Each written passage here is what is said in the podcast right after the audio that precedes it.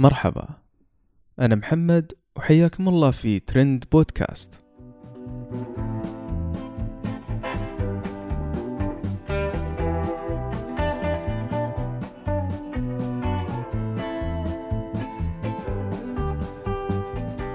اليوم راح نتكلم في موضوع شائك. كان يوم من الأيام من المحرمات الحديث فيه. استغرق حل هذه المشكلة البسيطة عشرين سنة.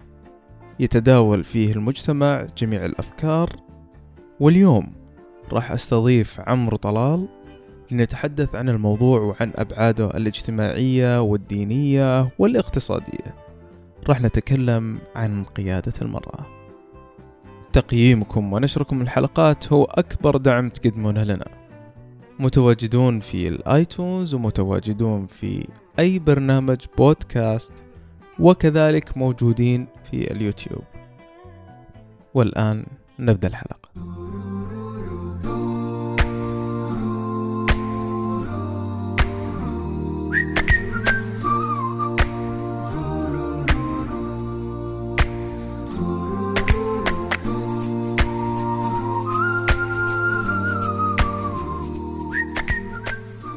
حياك الله اليوم ضيفي آه عمرو. أبو قصي. آه نتكلم إن شاء الله اليوم بإسهاب على موضوع قيادة المرأة. الموضوع ممكن يكون تداول كثير لكن آه حابين نمر عليه بنظرة شمولية ونفهم بالضبط وش اللي قاعد يصير. آه حبيبي عمرو آه أول شيء نرحب فيك ونتمنى إن شاء الله اليوم نقضي معك آه وقت ممتع. حياك الله. عندما نتحدث عن قيادة المرأة يعني المجتمع كان يرفضها بسببين رئيسيين. يا أما انه يكون عادات وتقاليد أو يكون دين. خلينا نتكلم أول شيء آه، بالنسبة للنظرة الدينية. إيش كانت رؤية المجتمع ولماذا أو ما هو سبب التحريم بالضبط؟ طيب بسم الله الحمد لله والصلاة والسلام على رسول الله. آه، بالنسبة لقضية التحريم هو الكل يعرف إنه ما في أحد حرم قيادة المرأة لذاتها. التحريم كان له علاقة بتوقعات سلبية. يعني يعني كان في نظرة إنه المرأة إذا خرجت بإنها يعني يعني إنها ستفسق وستنحرف وستضعف آه، سلطة الرجل عليها وما إلى ذلك. فيعني هذه كانت الأسباب اللي الكل متوجس منها. ومنها كان الانطلاق آه، نحو تحريم القيادة حقت المرأة. وطبعا بحكم إنه القيادة ظلت ممنوعة لفترة طويلة فخلاص يعني الناس رسخ في أذهانها إنه هذا الموضوع نشاز وإنه هذا الموضوع ليس من عادات المجتمع وتقاليده وإنه إذا هذه المسألة كان فيها خير لما حرمت يعني أساسا. فالناس أخذت موقف من إنه أي شخص يطالب بقيادة المرأة ينظر له على إنه يعني شخص شاذ وما إلى ذلك، وطبعا غير قضية إنه الصحوة استغلت هذه القضية لشيطنة مخالفيها واللي وصفهم بأنهم ليبراليين وعلمانيين وما إلى ذلك، يعني لدرجة إنه أصبح من يطالب بالمسألة هذه يصنف على إنه علماني، على إنه ليبرالي، مع إنه القضية يعني قضية بسيطة جدا ما لها علاقة لا بالفلسفة فصل الدين عن الدولة ما إلى ذلك، يعني القضية كلها إنه امرأة تقود السيارة وحتى إذا عدنا يعني في الدين لا لا يوجد نص يحرم مثلا على المرأة ركوب الدابة. ركوب الدابة يقاس على قيادة السيارة. وكان في الماضي عادي كانت المرأة حتى أول ما يعني ظهرت المركبات والأشياء هذه المرأة كانت تقود. ما كان في أحد يقول إنه حرام أو شيء من هذا القبيل. وحتى لو ذهبت إلى البادية ستجد ان المرأة تقود حتى في العصر الحديث. هي الإشكالية إنه القضية يعني سيست وأدلجت. وأصبحت تستخدم لكي تصنف يعني على أساسها يصنف الناس ليبراليين أم محافظين وما إلى ذلك. وطبعا الموضوع شائك والحمد لله يعني القرار كان مسدد وموفق وإحنا نشكر يعني جميع المسؤولين اللي كانت لهم يعني مساهمة ويد بيضاء في هذا الموضوع والحمد لله على كل حال. امم طيب أبو قصي يعني هل تعتقد أنه مثلا التيار الديني الآن بعد قيادة المرأة آه، فقد أهم أحد اوراقه اللي كان يراهن عليها يعني؟ إيوه طبعا. القضية هذه أنا أعتقد إنها كانت قضية جوهرية ومحورية.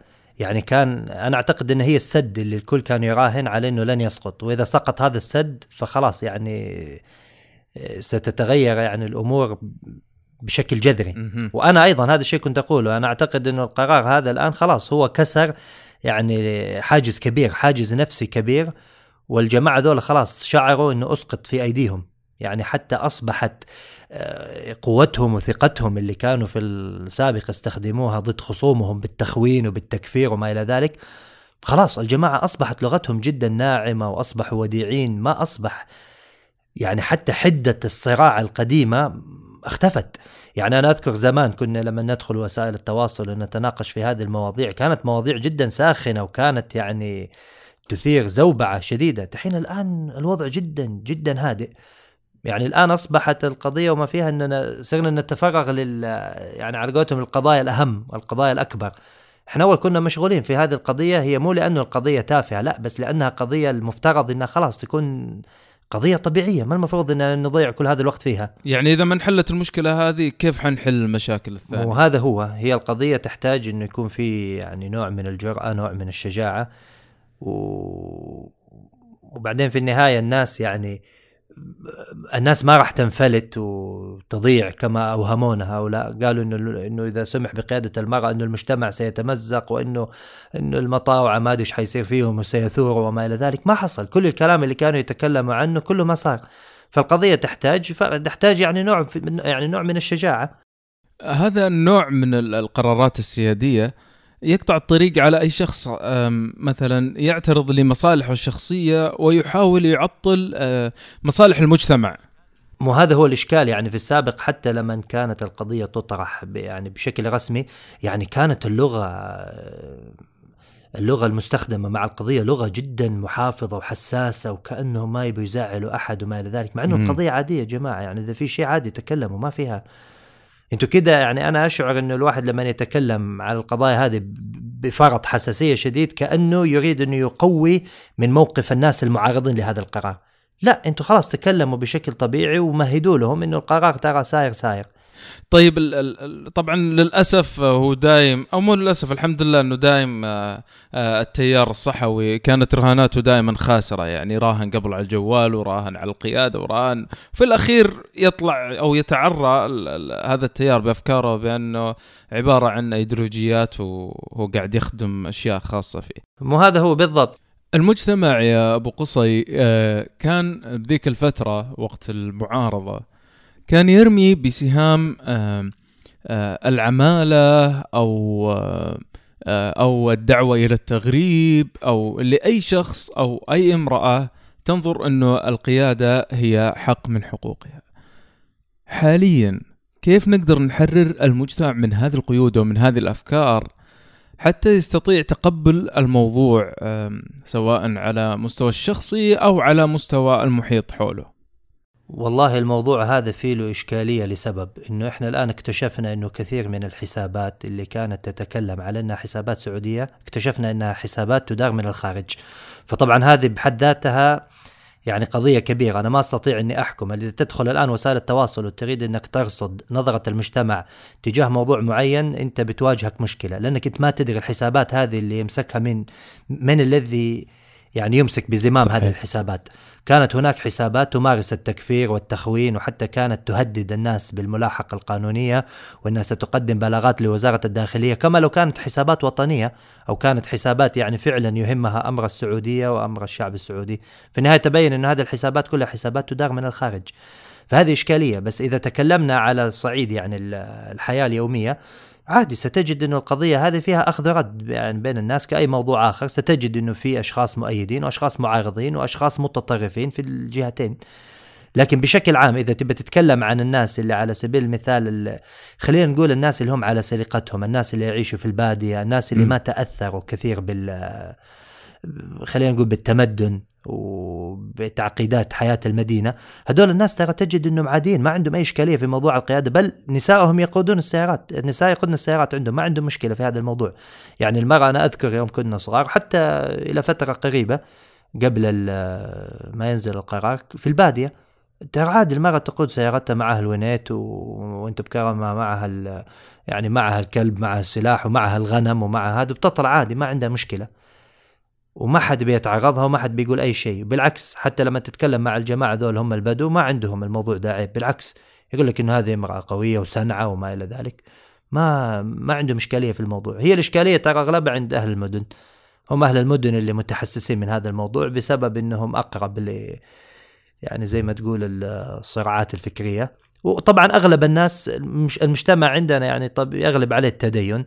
فالناس غالبا تنظر لرجال الدين الدعاء المشايخ ماذا يقولون في المسألة. وخلاص ما إذا قال المشايخ شيء فهم معهم. يعني من باب إنه إن أنا أهم شيء إني مع أهل الخير. يعني إذا قالوا شيء فأكيد هم الصح. يعني نفس الشيء أول ما نزلت الجوالات حذر الدعاء منها والمشايخ وما إلى ذلك. فأغلب الناس بشكل تلقائي اندفعوا لتأييد هذا الكلام.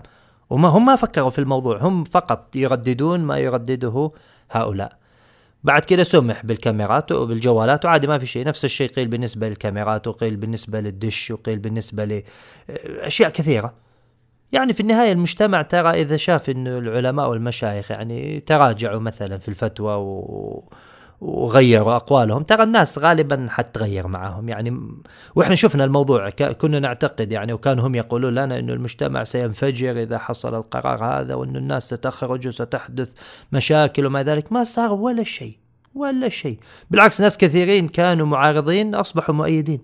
يعني حتى في تويتر في حسابات مشهورة جدا كانت تخون من يطالب بقيادة المرأة أنه هو يحرض على الدولة ويحرض على الدين وأنه يريد الانقلاب على يعني لغة تهويلية وتشبيح. أول ما نزل القرار مسحوا تغريداتهم القديمة والتغريدات الجديدة كلها مؤيدة للقرار وأنه هذا القرار يعني يعني فيه خير وهذا القرار فيه مصلحة للناس وما إلى ذلك. يعني سبحان الله. هيئة, هيئة الإفتاء يعني بكبرها حذفت الفتوى تحريم القيادة يعني. بعد القرار؟ أنا والله أذكر أنا أذكر إنه كانت الفتوى موجودة على موقعهم. أنا بحثت عنها وما وجدتها فما أدري الله أعلم. يقال يعني إنها حذفت أنا ماني متأكد يمكن يكونوا غيروا مكانها ما أعرف الله أعلم. بس إنها غير ما ليست موجودة الآن. يعني حاولت أبحث عنها ما لقيتها. هل هو بسبب ضغط القرار آه تغيرت القناعات؟ أو إنه القناعات فعلا تغيرت؟ أو إنه موضوع أصلا المعارضة من أساسه هم مش مقتنعين فيه. وكان نوع من البحث عن الشعبوية ودغدغه المشاعر. والله شوف في ناس كثيرين من الشخصيات المؤثرة إمعات. يعني إذا نزل القرار مؤيد سيؤيدون وإذا نزل قرار يعارض سيعارضون. فيعني هذه حالة. وفي حالة ثانية إنه كانت في أغلبية صامتة. أو خلينا بلاش نقول أغلبية خلينا نقول كثره صامته في ناس كثيرين ما كانوا بيتكلموا ما يبوا المشاكل فلما نزل القرار بدأوا يتكلموا. وفي ناس يعني عن طريق الضغط. يعني لما وجدوا إنه خلاص أسقط في أيديهم فهم الآن ليست لديهم مصلحة في إنهم يعارضوا القرار الجديد فخلاص قالوا خلنا نمشي مع التيار. في ناس يعني للأسف آه، انتهازيين. وحتى أنا يعني قلت مرارا إذا لو افترضنا لا قدر الله أنه نزل قرار يمنع ستجدهم يصفقون لقرار المنع ويرجعوا يشغلوا نفس الأسطوانة القديمة. فهؤلاء الناس يعني صراحة ما تدري يعني هم في النهاية إمعات ما تأخذ منهم لا حق ولا باطل وهذا قد يكون درس لنا في أي قضية أخرى يعني أنه الأشخاص هذول قاعدين يكررون أنفسهم هم متلونون يعني آه وين ما يسيل السيل إحنا مشينا معه فأعتقد قرارات زي كذا أو القناعات الشخصية يجب أن تكون آه، ملكة الشخص نفسه ما ما يسلم عقله لغيره. بالضبط هم ترى كثير منهم الآن فقدوا شعبيتهم. يعني أنا أذكر في فترة كان إذا أنت تجرأ إنه تنتقد واحد فيهم يتم تكفيرك والجماعة اتصالات تجيك وتحذيرات ولا تتطاول على فلان ولا تتطاول على علان. دحين الآن الجماعة ذولا خلاص يعني ما حد صار يعطيهم وجه وما حد صار يعطيهم اهتمام مثل اول الجماعة ما صار لهم أي أصداء. خلاص كذا فعلا اختفوا اختفوا تماما من الساحة.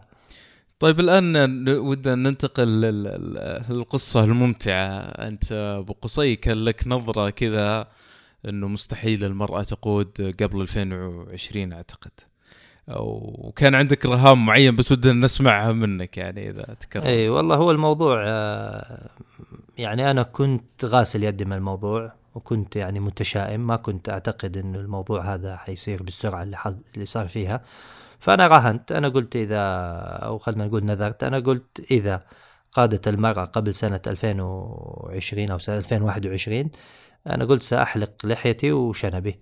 طبعا أنا قلتها طبعا أنا قلتها وأنا ما كنت أبدا أبدا يعني مصدق إنه القرار هذا ممكن يصير بالسرعة هذه. أنا كنت متوقع إنه القضية حبالها حتطول وحتجلس لأنه مؤشرات أنا حتى كتبت يعني عن مؤشرات كثيرة أنا شعرت إنها كلها تشير إلى إنه الموضوع س... حيقعد يعني محبوس في الدرج لسنوات ولعقود. إيش إيش المبررات كانت سبب الرهان؟ يعني الرهان قوي أكيد بناء على أدلة معينة. إيش كان بالضبط الدوافع؟ والله يعني كده شعرت إنه في نوع من العناد. يعني الناس هذه القضية دائما بيتكلموا عنها دائما بيطالبوا فيها. ست... يعني الناس كل ما طالبوا بشيء تجد إنه المسؤولين في يعني نوع من التفاعل. الناس مثلا طالبوا بالسكن وكانت في أزمة سكن صارت مثلا في وزارة إسكان. الناس كانت تطالب ب يعني إعانات وأشياء يعني كل قضية تكلموا فيها الناس كان في نوع من التجاوب. إلا هذه القضية كده في نوع من التصلب كده. القضية هذه كأنها قضية مقدسة لا يجوز أنك أنت تمس فيها. والمسؤولين عندما يخرجوا في الإعلام ويتكلموا يتكلموا عنها بتكتم شديد يعني والله العظيم القضية كانت جدا غريبة. يعني ليش كل التكتم على هذا الموضوع هو موضوع بسيط؟ فأنا هذا الشيء كذا كان معطيني شعور أن القضية هذه مطولة وما بتصير. وكان في مؤشرات ثانية اللي هو موضوع آه، اللي هو كان في برنامج أطلق اللي هو موضوع دعم آه، توصيل المرأة. يعني الآن المرأة الموظفة اللي تعاني من مشكلة آه، العثور على سائقين. آه، كان في برنامج إنه يدعمها بحيث إنه تأخذ دعم من الحكومة وعن طريق هذا الدعم تأخذ مثلا تخفيض أو شيء من هذا القبيل عشان ت... يعني تجد سائق يوصلها لعملها. طب دحين الآن الحكومة تضع برنامج لدعم مرأة عشان تركب مع سواق. يعني يعني ما أدري شيء غريب. بعدين طبعا بالنسبة للاستخدام حق السائقين كانت الفيز يعني بتعطى وفي تسهيلات و يعني كأنه القضية كلها بتدور حول إنه لا سندعمك حنعطيك حنسوي لك كل شيء لكن لا تقودي. يعني حتى كان إنه ممكن المرأة هذه نعطيها قرض عشان نساعدها على موضوع إنها إنها مثلا تدبر لنفسها سائق وما إلى ذلك. يعني للدرجه هذه للدرجه هذه أنتم بتعطوا المرأة قروض عشان تركب مع سائقين وفي نفس الوقت إنها تقود بنفسها مسوين فيها مسألة حياة وموت. فأنا هذه هذا المؤشر وغيره من المؤشرات خلاني كده أحس إن القضية ابدا ما بتتم. وبعدين توقيت القرار كان مفاجئ جدا ما توقعت ابدا ولا أحد توقع إنه يكون بالشكل هذا. كيف كانت ردة فعلك لما سمعت القرار يعني؟ طبعا أنا ردة فعلي إنه أول ما نزل القرار أنا قلت والله خلنا نتأكد يعني أنا أخاف إنه مثلا بعد فترة تكون الأوضاع غير جاهزة فيتم التاجيل تأجيل التنفيذ. أنا قلت إذا نفذ في تلك الحالة أنا سأوفي بنذري. وسبحان الله حصل فعلا. يعني الله يعطيهم العافية ما قصروا. ف... فأنا خرجت لأنه أختي كان عندها رخصة قيادة هي عندها رخصة آه، قيادة من خارج المملكة. وفقط اللي سوته اني حولتها إلى رخصة سعودية. يعني استخرجت بها رخصة سعودية ونزلنا وقادت السيارة وفعلا شفنا الأوضاع طبيعية وما في أي شيء و... فخلاص وقتها رجعت البيت وقلت أنا سأوفي بنذري. هذا الشيء أنا ما كنت أصلا متوقع إنه يصير. فيعني هذه القصة باختصار. لكن ايفائك بالنذر كان فنان يعني. طريقة تصوير وتايم لا لأنه لا لأني وعدت الناس. الناس قالوا لي إذا حلقت لحيتك وشنبك صورها يعني خلها صوت وصورة ووثقها. فأنا دائما كنت أقول لهم نعم أبشروا أبشروا أبشروا. فأنا كل شيء وعدت فيه سويته. أنا ما كنت متوقع ابدا إن الشيء ذا بيصير ف دام إنه صار خلاص خلني ألتزم بكلمتي. وطبعا كان في هجوم وفي سب وفي سخرية بس عادي يعني طقطقة ما هي مشكلة كبيرة. وكان في تشبيح وكان في تكفير بس آه، يعني الله يغفر لهم ويغفر لنا. والقضية كمان ما توقعت إنها يعني تنتشر في يعني في صحف وفي مجلات وفي قنوات فغريب يعني سبحان الله. وحتى القصة لفقت يعني خلوني معارض القيادة إنه داعية سعودي يحلق لحيته اعتراضا على القرار. فطبعا هذا يدل لك على المهنية اللي موجودة عند بعض القنوات. إي ما شاء الله عليهم. هي لا مهنية ولا هم يحزنون. وطبعا إحنا كل يوم بنشوف إنه بينكشفون أكثر وأكثر. الآن خلينا نتكلم شوي بشكل علمي يعني. الآن قيادة المرأة حتجر منافع كثيرة وطبعا أكيد في مساوئ. بنظرة سريعة أنا زوجتي الآن قادت أو أختي أو كذا إيش المنافع ال direct وال indirect المباشرة أو الغير مباشرة اللي حتجيني يعني أو حستفيدها يعني من ناحية المنافع أول شيء بالنسبة للاسر الغير مقتدرة وحتى الاسر المقتدرة إنه حيكون في توفير كبير في المصاريف. يعني الآن أصبح السائق أو الحارس يعني شيء جزء لا يتجزأ من البيت. يعني حتى الآن إحنا لما نبني بيوتنا بنفصل لازم يكون في غرفة للحارس ويكون له مكان ما نستطيع نستغني عن الحارس ابدا. والمشكلة إنه الحارس هذا بندفع عليه آلاف الريالات من ناحية الاستخدام من ناحية التوظيف وما إلى ذلك. وإحنا ما إحنا في حاجته. يعني إحنا فقط الرجل هذا من يعني بنستعين به فقط لأنه النساء عندنا ما يقودوا السيارات. لكن الآن بما إنه المرأة تقود السيارة خلاص ممكن الواحد يستغني عن هذا السائق.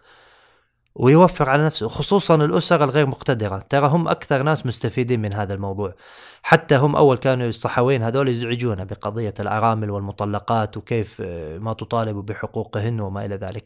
طب هذه قيادة المرأة حق من حقوق هذه النساء المطلقات والأرامل طب دحين الآن الأرملة والمطلقة ستصبح أكثر استقلالية من ذي قبل. بدل ما تحتاج أنك تعينها وتدفع لها فلوس وما إلى ذلك لا خلاص هي إلى حد إلى حد ما ستستغني عن شيء من هذه المعونات أنت تقدمها لك. هي صارت الآن مستقلة. يعني حتى مثلا في عندنا ربات بيوت كثير. يعني في نساء خلاص حكمة جالسة في البيت ما مثلا ما تبي تشتغل وهذا. بدل ما السائق هو اللي يروح يوصل الأولاد ويجيب وما إلى ذلك خلاص الأولاد يذهبوا مع أمهم. أفضل لهم وأكرم. وحتى من ناحية السلامة أنت لاحظ إنه كم عدد السائقين اللي كل سنة يدخلوا السعودية واللي يطلعوا منها. يعني للأسف السعودية عندنا صارت مدرسة قيادة عالمية. يجوا ناس يعني ما يعرفوا أي شيء عن القيادة ويجوا للأسف يجربوا يتعلموا القيادة على ظهورنا بسياراتنا وفي شوارعنا. وبعد كده كله يجلس سنة سنتين ثلاثة وبعد كده يمشي يرجع بلده. بعدين نجيب واحد ثاني و... ونقعد ندرب ونقعد نعلم من أول وجديد. يعني وفي حالات يعني أنا شخصيا آه، تعبت معها. فعلا سائق نجيب ونتعب عليه نعلم وبعد كده سنة سنتين يبي يطلع يبي يمشي. أو إنه مثلا يعني يسوي حادث أو ما إلى ذلك. يعني فهذه كلها مصاريف وكلها يعني آلاف الريالات قاعدة تهدر على شيء ما له داعي. الحين الآن خلاص يعني المرأة تستطيع إن هي تقود بنفسها وما ما إحنا في حاجة الشخص هذا. ومن يريد انه يحضر سائق؟ بكيفه يعني في النهاية بس أنا أقصد إنه ما صرنا مغصوبين على السائق. طيب آه، يجيك واحد يقول لك طيب أنا آه، عمر أنت أنت قاعد تتكلم بنظرة مثالية وعن أرامل وحالات ممكن تكون شاذة. طيب أنا الآن مجرد إنه تفرض قيادة المرأة أنا راح أضطر أشتري سيارة كل واحد عندي في البيت وراح مدري إيش ومصاريف إضافية. هل هل وجهة النظر هذه تشوفها صحيحة؟ لا هذه وجهة نظر خاطئة لأنه أنت الآن ما حد بيجبرك على إنك تشتري سيارة لكل فرد في المنزل. وما دام الموضوع حق شراء سيارة لكل فرد في المنزل مؤرقك ومسوي لك مشكلة طب أنت ليش تشتري سيارة لكل ولد؟ يعني القضية قضية عنصرية. إذا كان ولد عادي نشتري له سيارة إذا كانت بنت لا ما نشتري لها. يا أخي تبي تشتري له ما تبي تشتري لهم بكيفك؟ ما حد بيضربك على يدك ويقول لك اشتري سيارة لهم. يعني هذه ما هي من المساوئ. والله كونهم هم يطالبوك وهم يضغطوا عليك هذا موضوع ثاني أنا مالي خص فيه. يعني هل أنت تريد أن كل الناس يصبحوا مشلولين عشان خاطر عيونك أنت ما تبي الجماعة عندك يضغطوا عليك يقولوا لك نبي سيارة؟ لا. عادي. بعدين ممكن يعني الآن في بيوت كثيرة بيكونوا يعني عدد كبير وعايشين على سيارة واحدة ما في إشكالية. مو لازم أنت ما أنت ملزم إنك تشتري سيارة لكل شخص في البيت. وبعدين بالعكس ممكن يكون شرائك لسيارة أفضل من إنك أنت يعني تقعد تدفع حق المشاوير حق التاكسي وما إلى ذلك. يعني لو تحسب النفقة الشهرية لمواصلات بعض الأفراد اللي موجودين عندك في البيت ستجد إنها تعادل قسط سيارة. طب خلاص أنت بدل ما تدفعها ولا شيء ادفعها وطلع لك قسط سيارة وتملك السيارة في الأخير. وفي النهاية ما حد بيجبرك ممكن... على شيء ما حد بيجبرك على شيء في الأخير. صح. وهي ممكن تكون بعد نفس حسبة السائق اللي معه سيارة واحدة وقاعد يخلص كل مشاوير البيت يعني قد تكون سيارة واحدة كافية لكن تحت يد بنتك أو أو زوجتك أو هذه تخلص المشاوير كاملة. اي بالضبط. طيب أبي نتكلم عن آه، أبغى نتكلم عن الناس اللي قروشونا يقول الشوارع بتزدحم وهي يلا شيلتنا الحين وفي مواصلات عامة يفترض إنه يستفاد منها آه، ما أدري هذول كيف حنقنعهم يعني والله اللي يشتكي من زحمة الشوارع ويرى أنه منع المرأة هو الحل أنا أط... أنا أطالب بمنعه هو من القيادة. إذا كان هو يرى فعلا أنا كل من يقول لي أنه المرأة الآن ستزاحمني في الشارع تسوي لي زحمة أقول له طب خلاص أنت أنت المفروض أنك ما تقود السيارة يجب أني أنا أمنعك لأنك أنت أيضا تسبب لي زحمة. يعني هذا مو منطق. تخيل الآن لو خرج شخص يقول مثلا أنا أطالب بأنه كل الآسيويين ما يقودوا السيارات عشان لا يسوي لنا زحمة في الشوارع. ماذا سيقال عنه؟ سيقال عنه بأنه عنصري. ليش أنت تتعنصر ضد الآسيويين؟ المشكلة هذه ما هي من الآسيويين لحالهم المشكلة هذه من الكل. طب نفس الشيء أنت الآن تتعنصر ضد المرأة تقول إنه المرأة هي اللي ستزحم الشوارع. طب أنت ليه تتعنصر ضد المرأة؟ طب خلاص ما دمت ترى إنه زحمة الشوارع مشكلة وإنه حلها يكون بمنع بعض الناس من القيادة خلاص معناته المفترض إنك أنت تمتنع عن القيادة وأنت تستخدم وسائل المواصلات العامة. بعدين الشيء الثاني من يتحدث عن وسائل المواصلات العامة الكل يعرف إنه وسائل المواصلات العامة يعني هي أنسب لرجل من المرأة. يعني المرأة في سيارتها معززة مكرمة محفوظة لكن وسائل وسائل المواصلات العامة فيها قد يكون فيها ازدحام وفيها تلاصق وما إلى ذلك. يعني الشخص الغيور بحق. إذا كان عنده سيارة واحدة في البيت وعنده ولد وبنت المفترض أنه يعطي السيارة للبنت. إذا كان غيورا بحق. ليش؟ لأنه الولد ممكن يطلع يطلع يركب تاكسي يتمرمط يكاسره. عادي ما في مشكلة. لكن البنت خلاص البنت في سيارتها محمية ما في أحد يعني سائق تاكسي مثلا يقعد يتحرش فيها وإنها تركب في أتوبيس ويكون في زحمة وما إلى ذلك. فقضية الزحمة هذه ما هي مبررة. قضية وسائل النقل العام زي ما ذكرت لك.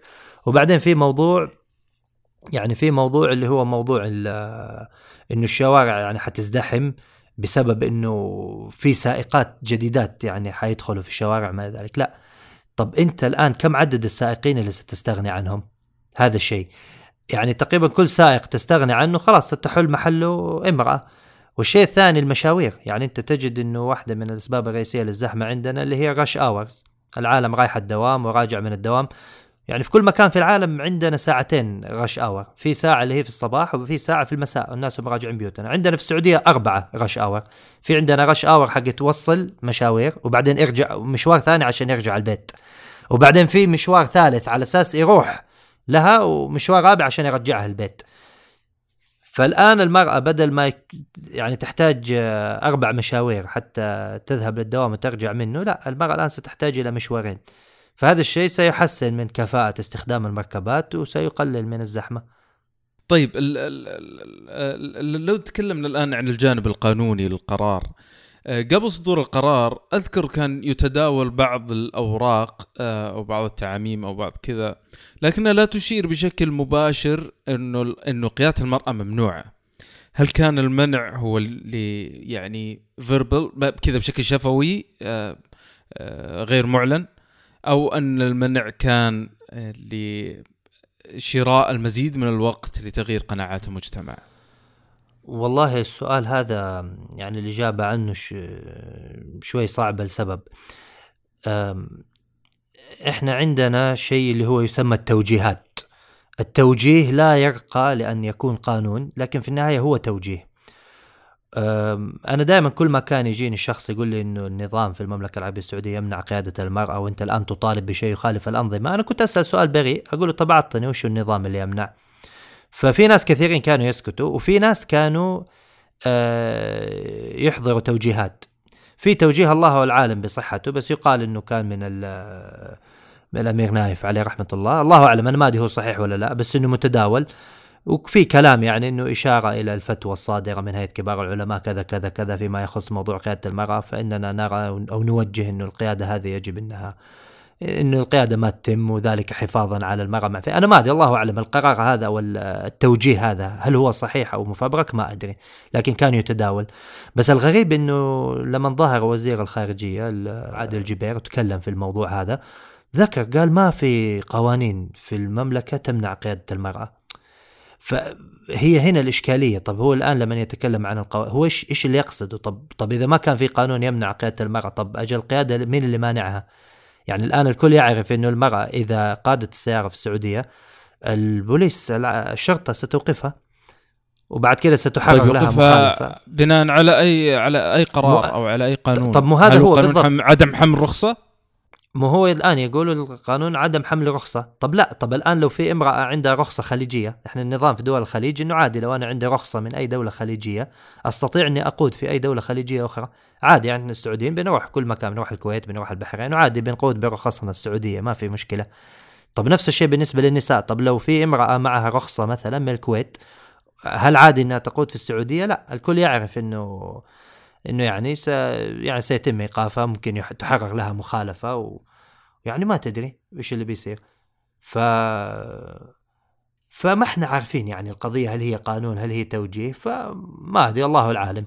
يعني فعلا كان في منع متبعثرة يعني. إيوه القضية ما كانت واضحة. أنا عشان كذا قلت لك إنه الاجابه على السؤال صعبه لأنه ما أدري صراحة هي على أي أساس وما أدري الله العالم. بس واقعيا كانت ممنوعة الكل يعرف هذا الشيء. طيب إحنا عارفين إنه بعد ما صدر القرار أعطيت مهلة عشر أشهر للجهات التنظيمية للبت في القرار وعمل الترتيبات اللازمه لقيادة المرأة. جميع الترتيبات تمت يعني إلى السجون أو أو الحجز أو التوقيف الخاص بالمرور جهز للنساء لكن ما شفنا هذا المشهد على جانب مدارس تعليم القيادة. أه ودنا تعطينا عن الكلام هذا لأنه صراحة اللي مرة الآن هو اللي موقف بوجيهنا والله للأسف زي ما تفضلت هذا الشيء جدا مؤسف. يعني كان التفاعل في موضوع التواقيف وفي موضوع الغرامات والمخالفات وما إلى ذلك كانت يعني التجهيز كان سريع جدا. يعني حتى بعض المناطق افتتحت فيها أقسام توقيف في حين إنه لم تفتتح فيها مدرسة قيادة. أنا ما أتكلم على مدن أتكلم على مناطق. في مناطق بأكملها ما افتتحت فيها مدارس. وبعدين لما افتتحت المدارس الآن الطوابير على المدارس بال... بالآلاف بل بعشرات الآلاف. يعني إحنا قدمنا إحنا قدمنا على المدارس هذه. قدمت للوالدة قدمت لزوجتي قدمت للأخوات. المواعيد المواعيد بعيدة جدا. يعني يعطيك موعد حق تدريب بعد كم؟ يعطيك بعد ستة أشهر بعد سبعة أشهر. وبعدين هذا فقط موعد للتدريب النظري. وبعد التدريب النظري لازم تاخذ موعد عشان تاخذ الاختبار النظري وبعد الاختبار النظري لازم تاخذ موعد التدريب العملي والتدريب العملي ساعات طويلة. نعم ومبالغ مبالغ طائلة. يعني الآن رجل عندما يريد انه يستخرج رخصة القضية ما هي صعبة يروح وخلاص يحضر هو كله يعني لمدة أسبوع تدريب وخلاص وبعد كده يتم اختباره وتصدر له رخصة بشكل فوري. بالنسبة للمرأة لا القضية معقدة. يعني حتى الوضع أصبح مخجل إنه النساء صاروا يروحوا لدول ثانية عشان آه، في البحرين. يعني كثير من السعوديات ذهبنا للبحرين علشان يطلعوا الرخص هذه حقت القيادة. فشيء شيء عجيب. يعني الآن المعقول إنه. يعني البلد بكل إمكانياتها وبكل قدراتها.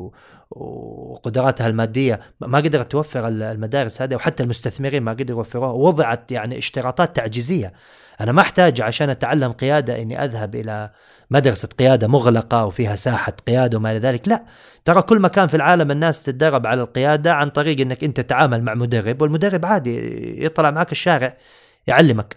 بعدين مو لازم إنه مدرسه القيادة يكون فيها سيارات لا. برا إذا تبى تختبر عشان تطلع رخصه قياده عادي بسيارتك أنت تجيب سيارتك أو خذ سيارة خويك وتدرب فيها ويسوي لك الاختبار على السيارة حقتك. مو لازم انهم يكون عندهم مباني يكون عندهم سيارات يكون عندهم يعني معقدين القضية معقد وإلى الآن ترى إلى الآن كثير من النساء يعانين بسبب هذه التعقيدات.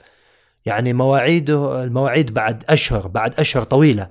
هل تعتقد إنه اللي قاعد يصير الآن هو استغلال من التجار ل آه، خلينا نقول استغلال الموجة الحالية هذه لعمل أكبر مكاسب معينة أو قد يكون هناك توجيه لترتيب عملية استخراج الرخص للنساء وإنه ما يكون مرة واحدة كل العالم تسوق؟ الله أعلم. لا أدري إذا كان الموضوع فيه توجيه أو لا. وبالنسبة للتجار شيء طبيعي إنه التاجر سيستغل الوضع الحالي. كما كانوا مستغلينه وقت المنع سيستغلونه وقت السماح. وإحنا شايفين طبعا الأسعار المبالغ فيها للمدارس. كم نتكلم عن الأسعار أبو قصي متوسط كافر الأسعار إحنا بنتكلم إحنا بنتكلم على 3000 تقريبا 3000 إلى 5000 هذا فقط اللي هو التدريب كامل يعني الباكج كامل اللي هو النظري والعملي. طبعا تقريبا. مقارنة بأسعار مدارس العيال المبلغ مبالغ فيه جدا أعتقد إنه ما يتجاوز 700 جدا. زي كذا. يعني لاحظ إنه التدريب حق القيادة كله يعني كم على بعضه كم يوم مفرقة على يعني على أشهر ومبالغ طائلة. الله يعطيك العافية. الحوار كان شيق معك ولا يمل وبإذن الله راح نلتقي بمواضيع أخرى آه، قد تكون شائكة شوي وتمس المجتمع بشكل مباشر. شكرا لك أبو قصي على وقتك ويعطيك ألف عافية. الله يبارك فيك. الله يعافيك. حياك الله في أي وقت.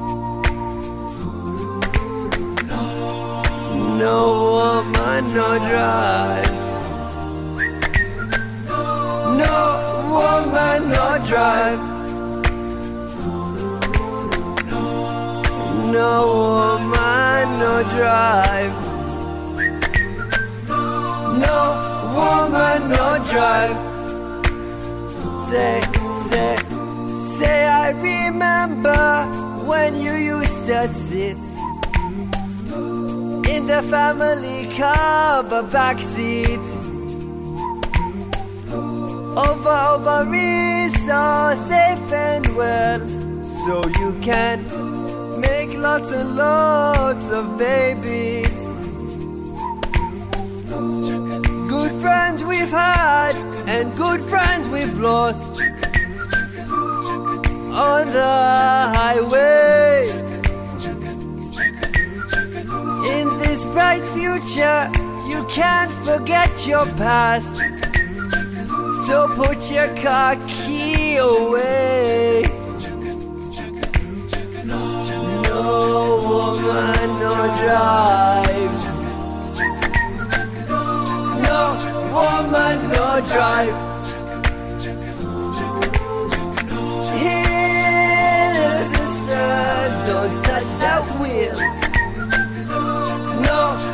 No drive. I remember when you used to sit in the family car, the back seat. Of course, the driver can take you everywhere because the queens don't drive. But you can cook for me my dinner, of which I'd share with you. Your feet is your only carriage, but only inside the house. And when I say it, I mean it. Everything's gonna be alright. Everything's gonna be alright. Everything's gonna be alright. Everything's gonna be alright. Everything's gonna be alright. Everything's gonna be alright. Everything's gonna be alright.